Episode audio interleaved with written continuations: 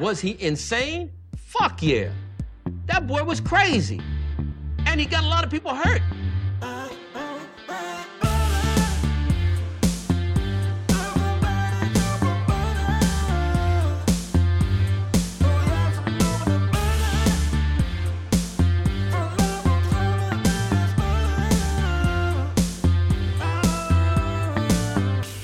He doesn't like butter. I fucking love butter. I fucking love it. What's up, motherfuckers? Welkom bij een nieuwe aflevering van de Zonder Tijd Podcast. Podcast waarin ik niet alleen mijn eigen tijd, maar ook uw hele kostbare tijd ga verdoen met absolute onzin. Ik hoop dat deze podcast u treft in een blakende gezondheid. Want uiteraard is er niks beters, belangrijkers dan een blakende gezondheid. We duiken er meteen in, in het nieuws van, het is vandaag 9 augustus. Uh, 9 augustus, wie is er jarig? Oh ja, Robin is jarig. Oké, we gaan even kijken hoor. Strijd tegen microplastic.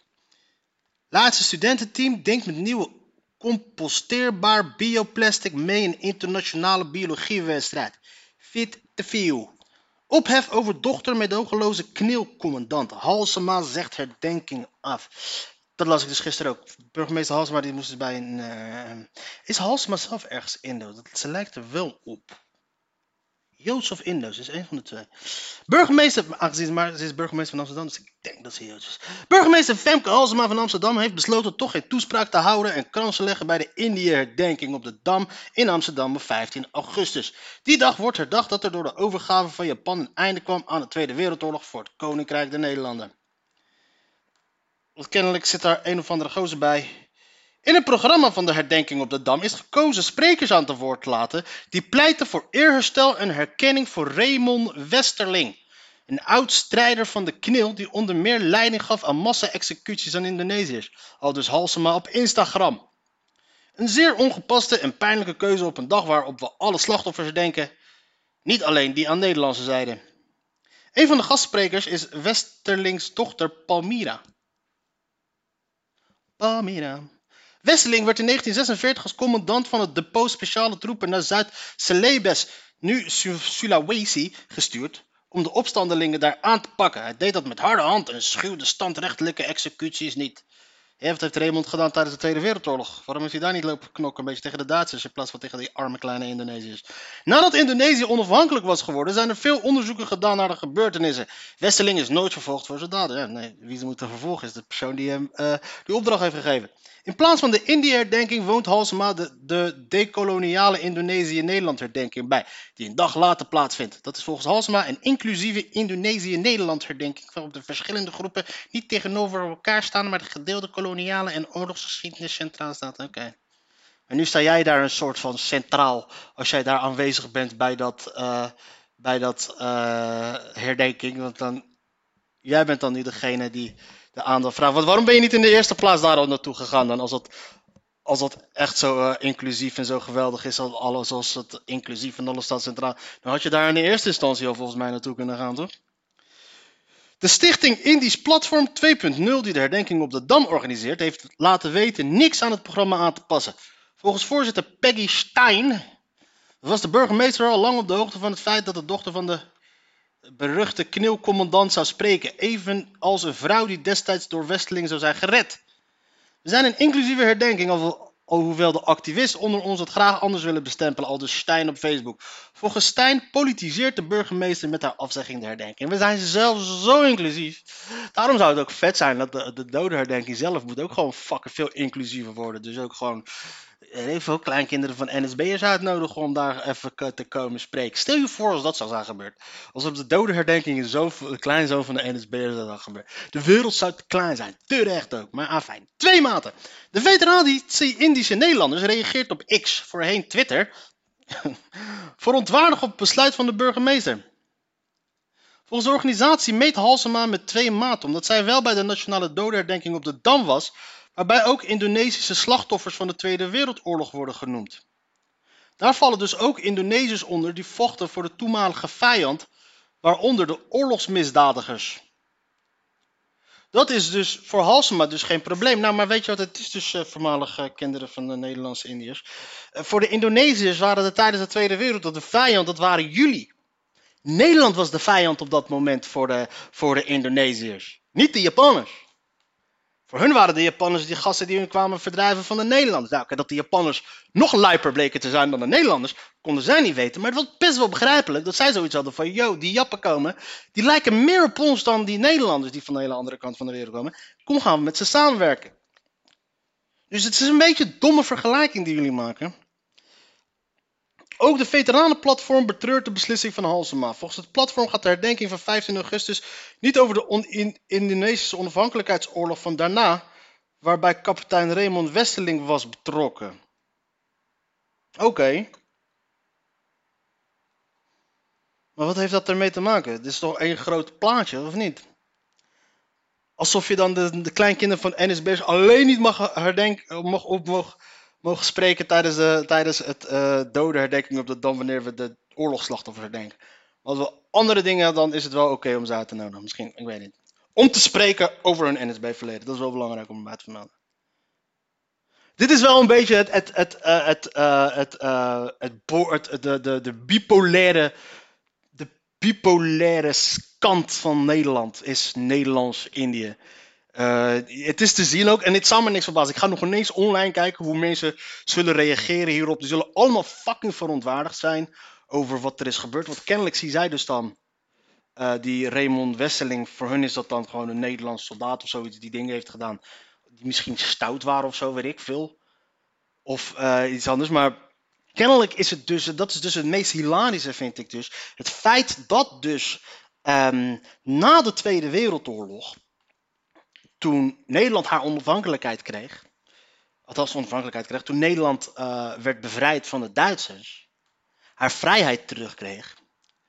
En toen uh, de hele wereld zo'n beetje. De Tweede Wereldoorlog was gewoon een, van de belangrijkste gebeurtenissen in de geschiedenis van de mensheid. Waardoor op een gegeven moment heel veel andere mensen de rest van de wereld sowieso hadden die al bezet werden door, uh, door een handjevol landen in West-Europa. Zoiets hadden van: yo, wij willen ook nu onze vrijheid. Yo, wij willen ook onze vrijheid terug. Oké.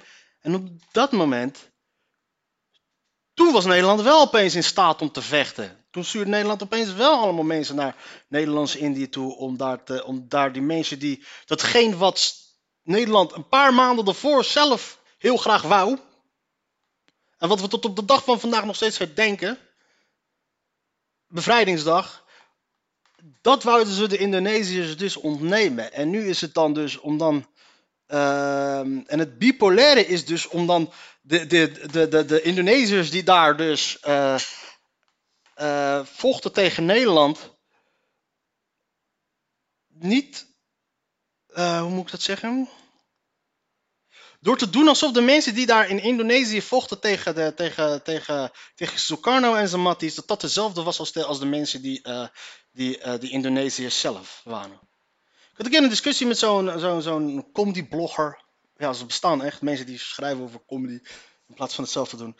Um, die vond dat er. Uh, had het over de oorlogsmisdaden van de Indonesiërs tijdens de. Berchak, Barchak, weet ik veel hoe die shit heette. De, de, de Barchak. Het, zijn geen stambalnamen, maar er was iets wat. Um, soort van opstand, de Indonesische opstand wat was de naam daarvoor ook? Om, omstand. Uh,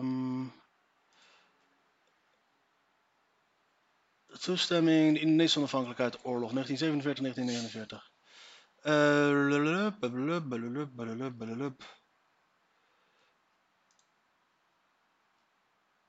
de Bercham. Ik weet niet meer hoe dat heet, Even kijken hoor. Capitulatie, de Japanse capitulatie, Surabaya. Draagvlak, Zuid-Celebesisch. Ik weet niet meer precies hoe het heet. Enfin, maar dat die mensen dus daar vervolgd moesten gaan worden voor oorlogsmisdaden. omdat ze daar allemaal Nederlanders hadden, burgers hadden lopen uitmoorden daar zo. Uh, et cetera. En dat, hoe verschrikkelijk dat wel was. Tuurlijk, dat was best wel verschrikkelijk. Maar aan de andere kant. Uh,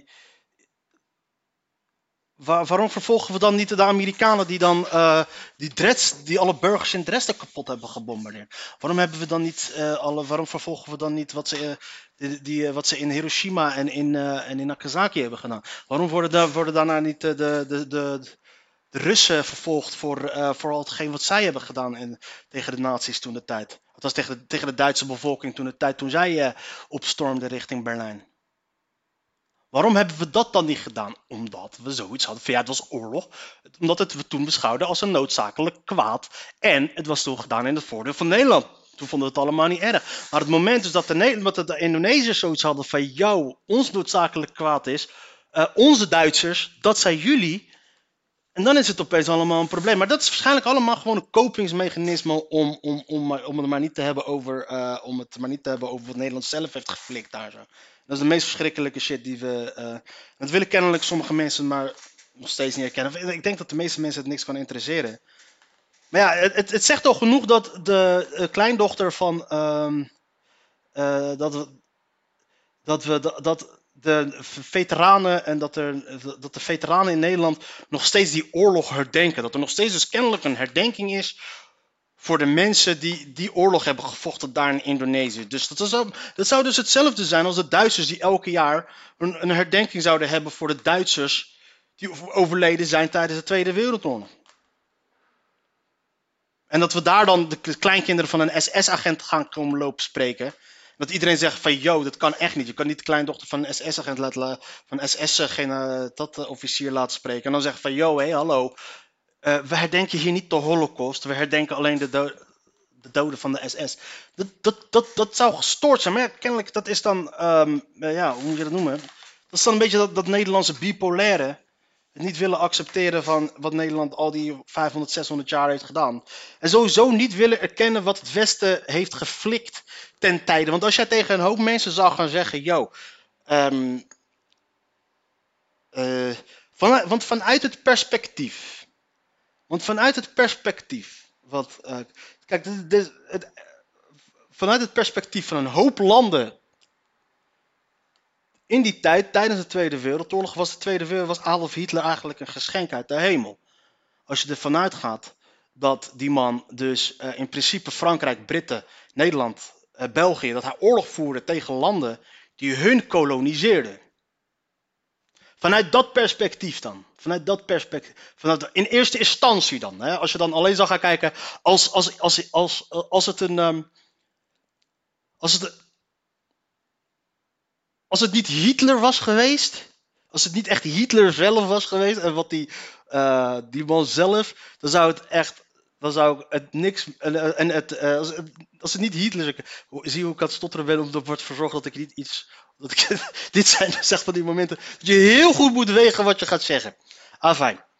Als het niet Hitler was geweest en het nazisme was geweest op dat moment, dan zou het niks meer dan logisch zijn geweest dan dat de hele Tweede Wereldoorlog, dat, dat, dat het grootste gedeelte van de wereld aan de kant van Hitler had, eh, dat aan de kant van de Duitsers had gestaan tijdens de Tweede Wereldoorlog, omdat ze oorlog voerden tegen de grootste koloniale macht op dat moment, namelijk Frankrijk, Groot-Brittannië, België, Nederland. En ehm en ik denk dat ehm, Adolf Hitler voor, ehm, eh, voor, Marokko heeft het goed uitgeholpen. De Tweede, de Tweede Wereldoorlog heeft Frankrijk zodanig verzwakt dat ze uiteindelijk hun greep op hun toenmalige kolonies gewoon los moesten laten. En ehm, voor, voor, de, voor de Marokkaanse Joden, die hebben het allemaal overleefd. Dus al met al kunnen we over Marokko zeggen dat de, de Tweede Wereldoorlog goed beter voor hun heeft uitgepakt. Ah, fijn. Dat, wat, waar zaait het allemaal uit? Hitler is slecht, nazi's zijn ook niet cool. Laten we daarmee afsluiten. Eh, waar waren we gebleven? Reumers cel in wegens geringe verantwoordelijkheid. Is dat ook strafbaar? Thijs Reumer, Thijs Reumer. Thijs Reumer had een relatie met de meest geile milf van de wereld, denk ik wel. Niet Katja Schuurman. Maar nee, hij valt liever op een jongere wijfjes. een jonge, onervaren dames in plaats van een... Schuurman.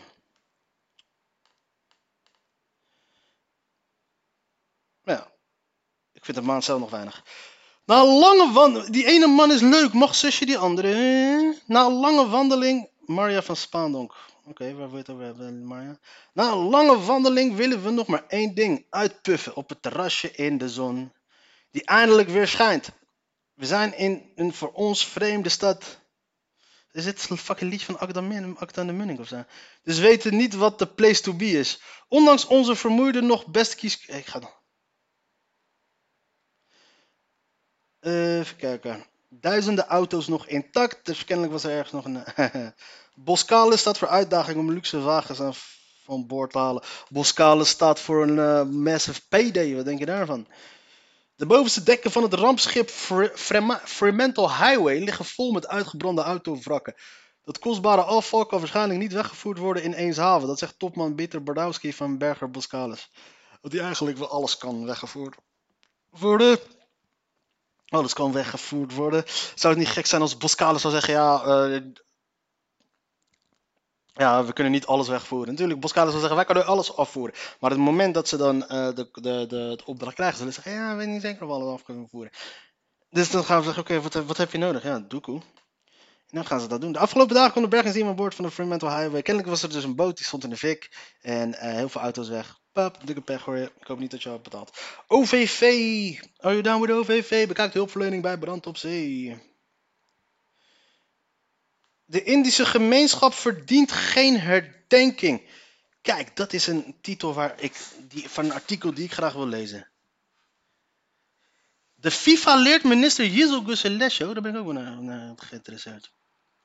Oh, dat gaat ook nog over Marokko. Nog voordat het laatste fluitsignaal klonk, had het voetbalteam van Marokko al geschiedenis geschreven. Dik shout-out naar hen. De Atlas Leeuwinnen namen het op tegen goede vriendin Frankrijk. Nog, meer, nog meer aanhalingstekens tussen die goede vriendin Frankrijk. Een wedstrijd die vergelijkbaar is met een kraker als Nederland-Duitsland.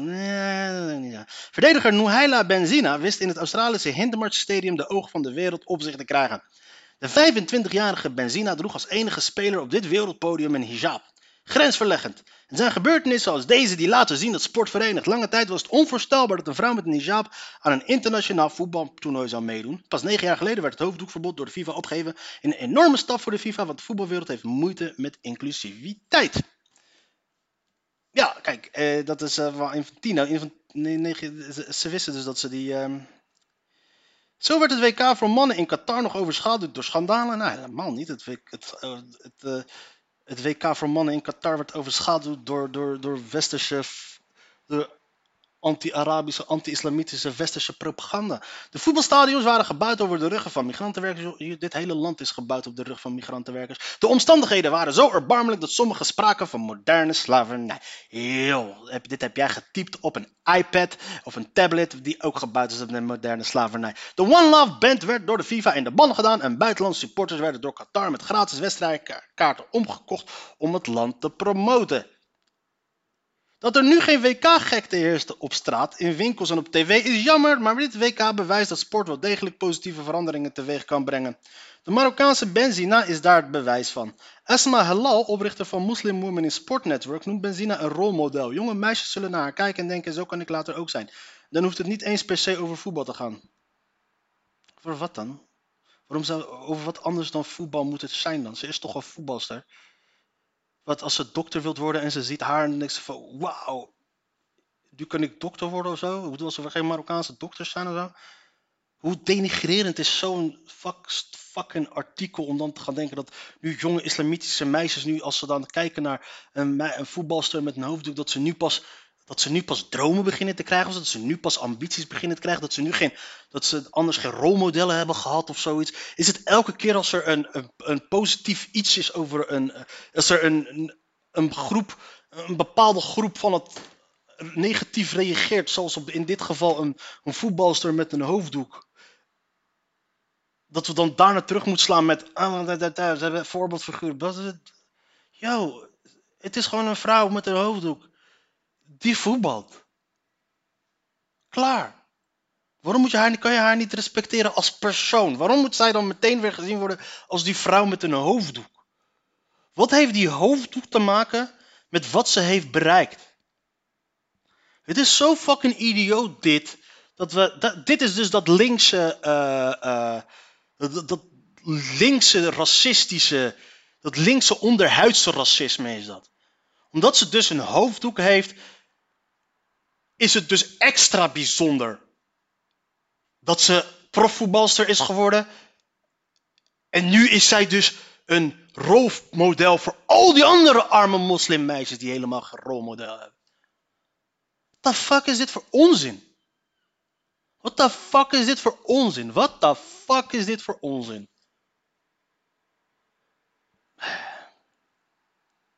Voor hetzelfde geld is dit meisje opgegroeid in een rijke familie in Marokko. En had ze toevallig een hoofddoek op. En kon ze, had ze een lekker, super lekker leven zonder zorgen, zonder alles erop en eraan. Zodat ze lekker kon genieten van het voetbal. En heeft ze zo ver getrapt tot profvoetbalster.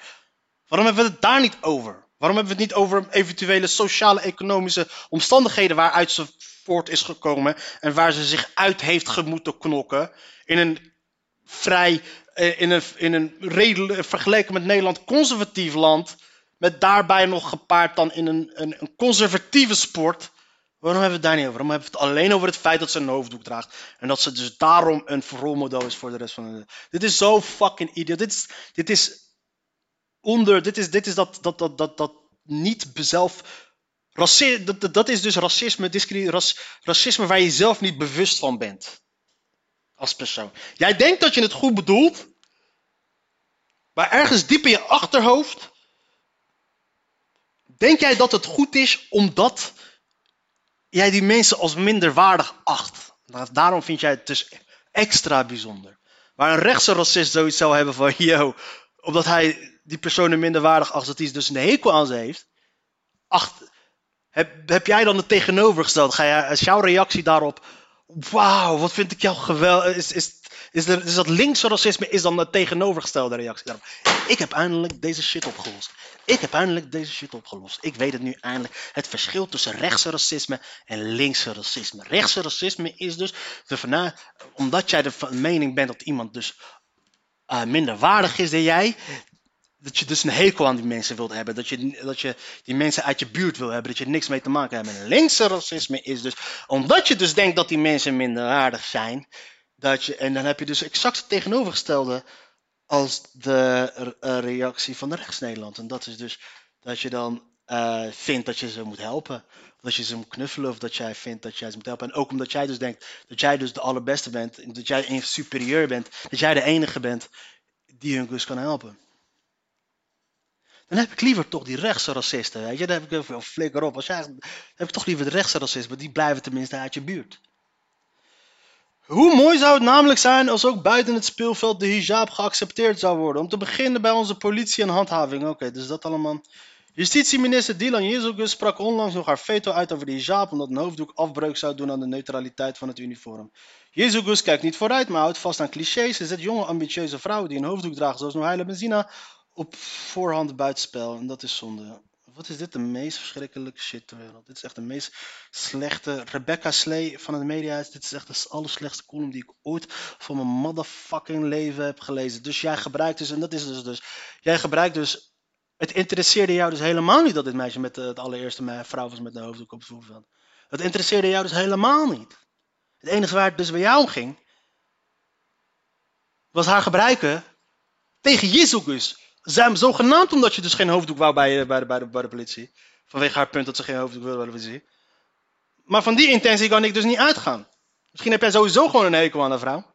En zeg jij dus nu die hoofddoek zeg van, oh ja, laat ik haar daar opeens gaan pakken. Dat is dus die linkse racisme, dames en heren. Fuck deze motherfuckers. Jezus neemt afstand van woorden partijgenoot Kamp. Beoogd VVD-leider Denis Dylan Jirvik neemt afstand van de woorden van haar partijgenoot en VVD-mastodont Henk Kamp. Die zei in een radio-uitzending van het programma WNL Haagse lobby dat Pieter Omzicht over een burn-out raakte door fractiewerk en nooit regeringsverantwoordelijkheid heeft genomen. De opmerking van de 71-jarige oude minister van de VVD leidt tot een enorm storm van kritiek. Ja, maar Henk Kamp, ja, die heeft schijt aan. Ik bedoel, uh, Henk Kamp heeft ons naar je gebracht. Die heeft, die heeft echt overal maling aan. Omzicht in de peilingen deed alleen al goed voor zo'n 46 zetels. Denkt momenteel na zo een, ja, zo ja hoe hij mee gaat doen aan de verkiezingen in november dit jaar. Kamp heeft daar geen vertrouwen in en zei dat de uitzending. Ik denk dat de belasting voor hem heel erg groot is. En ik kan mij moeilijk voorstellen dat hij daaraan begint. Ja, daar heeft hij wel een punt. Deze woorden hadden wat mij betreft niet gehoeven. Ook eens weten op X voorheen Twitter. Laat mensen in rust hun eigen beslissing nemen. Ook al wil ze zich vooral richten op de problemen in Nederland. In plaats van de hele tijd met elkaar bezig te zijn. Ah, het is de meest in, in, onauthentieke, niet, on, niet authentieke tweet aller tijden. Als Henk Kamp wat had gezegd over, laten we zeggen, over Farid Azarkan, had je daar dan ook op gereageerd, bitch? Of over Sylvana Simons, had je daar dan ook op gereageerd? Ah, ze is zo fake. Ze is zo fake, die Dila Ze is zo nep. De Indische gemeenschap verdient geen herdenking. Jannie Schipper. Burgemeester Femke Halsema van Amsterdam annuleerde dinsdag haar geplande toespraak bij de Indië-herdenking op de Dam. Organisaties van Indische Nederlanders tonen zich teleurgesteld over Halsema's terugtrekking. Maar wat de Heemskerkse Indonesië-activist Jeffrey Pandaag betreft, is de afzegging het enige juiste besluit. De hele herdenking is een grove belediging voor de slachtoffers die geëxecuteerd en vermoord zijn. Kijk eens, hè? ik ben blij dat dit ook even wordt, uh, meegenomen wordt in de krant. Pondaag is voorzitter van het Comité Nederlandse Ereschulden. Er ereschulden in het Indonesische comité Utang Keramatan Balanda. Hij komt op voor de belangen van slachtoffers van de Nederlandse koloniale oorlog in Indonesië en hun nabestaanden. Samen met de Mensenrechtenraad advocaat Lisbeth Zegveld, stop daarmee, oké. Zegveld voerde hij een succesvolle straat, strijd, strijd, strijd, strijd tegen de Nederlandse staat en namens een aantal slachtoffers. In twee, in de, ik ga ook expres mijn laatste weer extra de kans dat hem niet ter, terug te vallen op Indonesisch. In 2021 beëindigde de advocaat de samenwerking, maar Pondag is nog niet gestreden. Bij de Indie-herdenking op 15 augustus wil Palmira Westerling pleiten voor eerherstel voor haar vader, Raymond Westerling. Volgens Indisch Platform 2.0, wat een gekke naam ook, de organisatie van de bijeenkomst, heeft de beruchte commandant van, de, van het depot speciale troepen ook veel mensen gered. Wat is dat voor welke mensen gered? Ja, oké. Dan geldt dat ook, dan moeten we ook Adolf Hitler gaan herdenken. Want Adolf Hitler, uh, die heeft uh, en zijn nazi-wetenschappers, die hebben echt zoveel dingen voor elkaar gekregen. Waar de wereld mensen, waar er nu ook nog echt honderden duizenden mensenlevens zijn worden gered. Nou, laten we Adolf Hitler gaan herdenken. Hè? Als dat ook de dochter van de moordenaar, die ik de Hitler van, Hitler van Indonesië noem, gaat spreken, vraag me af, waar zijn we mee bezig? Executies. Commandant Raymond Westerling werd in 1946 naar Sulawesi, dat toen nog Zuid-Celebes genoemd, gestuurd om orde op zaken te stellen. Hij werd vooral berucht om de standrechtelijke executies van vermeende opstandelingen onder de plaatselijke bevolking. Ik heb in 2019 twee slachtoffers mee naar Nederland genomen, vertelt Pondaag. Een van hen vertelde hoe hij vannacht aan de tafel zag hoe zijn vader door Westeling door zijn hoofd is geschoten. Na de onafhankelijkheidsstrijd was er veel discussie of Westeling de vreedheden zelfstandig uitvoerde of daartoe opdracht had gekregen van het Nederlands gezag. Nou, wat denk je zelf? Uit een grootschalig onderzoek dat in 2022 werd gepubliceerd bleek dat extreem geweld van de kant van de Nederlandse krijgsmacht niet alleen wijdverbreid was, maar vaak ook bewust werd ingezet. Joh, dat Halsema zich terugtrekt uit de Indië-herdenking op de Dam is wajar. Redelijk, vindt Ponda. Maar moet die hele herdenking eigenlijk wel doorgaan? Ze hebben het over de Indië-herdenking en over voormalig Nederlands-Indië. Maar dat land is helemaal niet van Nederland. De geschiedenis wordt volgens vandaag nog steeds door witte mensen geschreven. Die 70 tot 100 miljoen mensen die al dat gebied woonden voordat Nederland er binnenkwam, waar zijn, die, waar zijn die in dit soort herdenkingen? Zij worden in onze rechtszalen onderdanen genoemd, maar ze worden nog steeds behandeld als inlanders. De Indische gemeenschap in Nederland heeft geen recht op een herdenking, vindt Pondag. Zij zijn daar geboren en hebben met de kolonisator gecollaboreerd. Collaboreerd, klopt. Zij hebben hun broers en zussen vermoord en ze hebben er vervolgens voor gekozen naar Nederland te gaan. Dan moeten ze nu niet gaan miauwen. Als er iemand in een herdenking verdient, zijn het voor Pondag de tientallen miljoenen Indonesiërs die hebben geleden onder de Japanse en de Nederlandse bezetters. Daarnaast noemt hij ook de Nederlandse dienstplichtigen die weigerden mee te doen aan de politionele acties en dat met gevangenisstraf moesten bekopen. Ja, ik weet niet hoeveel dat waren. De Nederlandse overheid erkent dat pas sinds kort 17 augustus 1945 als onafhankelijkheidsdatum van Indonesië. Dat is de datum waarop de onafhankelijkheid wordt uitgeroepen. Nederland hield altijd 27 december 1949 aan. De dag waarop de toenmalige Nederlandse regering na jaren van bloedige repressie onder zware internationale druk de onafhankelijkheid had erkend. In plaats van naar andere Indië-herdenking op 16 augustus zou de burgemeester van Amsterdam volgens de Indonesische activist dan ook op, beter op 17 augustus naar Wassenaar kunnen gaan. Daar wordt de onafhankelijkheid van de herdacht. Maar daar ga ik heen. Zolang je bij een of andere Indië-monument herdenkt, ben je niet aan het decoloniseren. Dit is dus precies wat ik bedoelde. Dit is dus echt precies wat ik bedoelde, wat ik net zei.